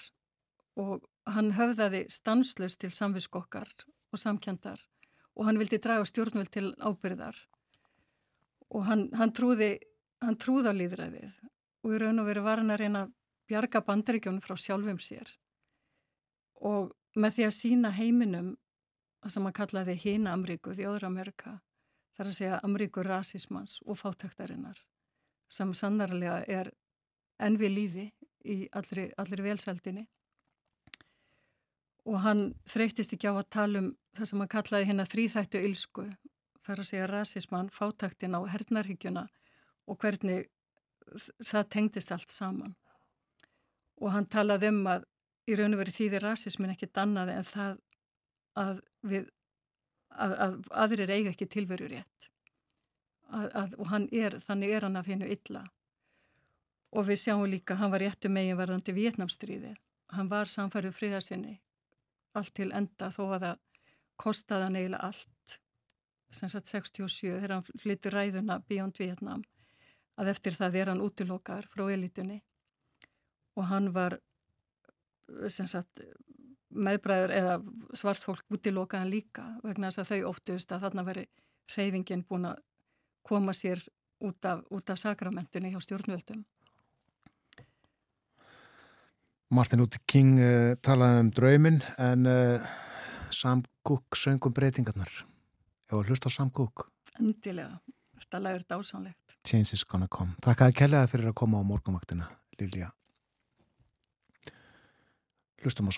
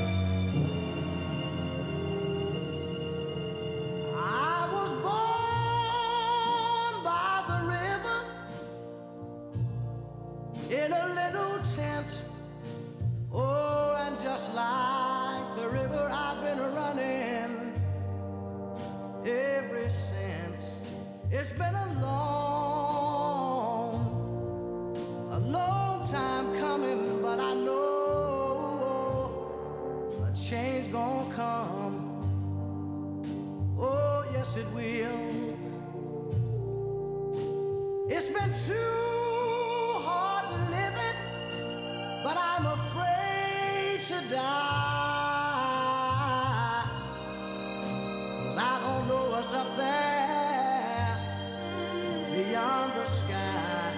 It's been a long,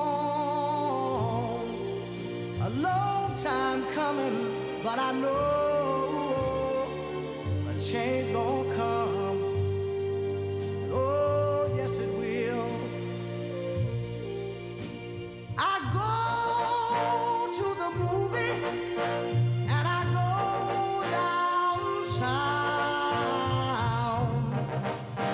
Somebody keep telling me don't hang around. It's been a long, a long time coming, but I know a change gonna come. Oh, yes, it will.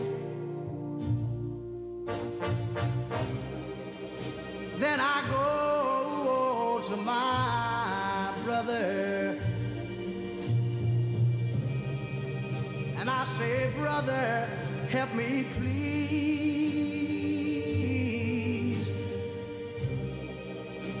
But he winds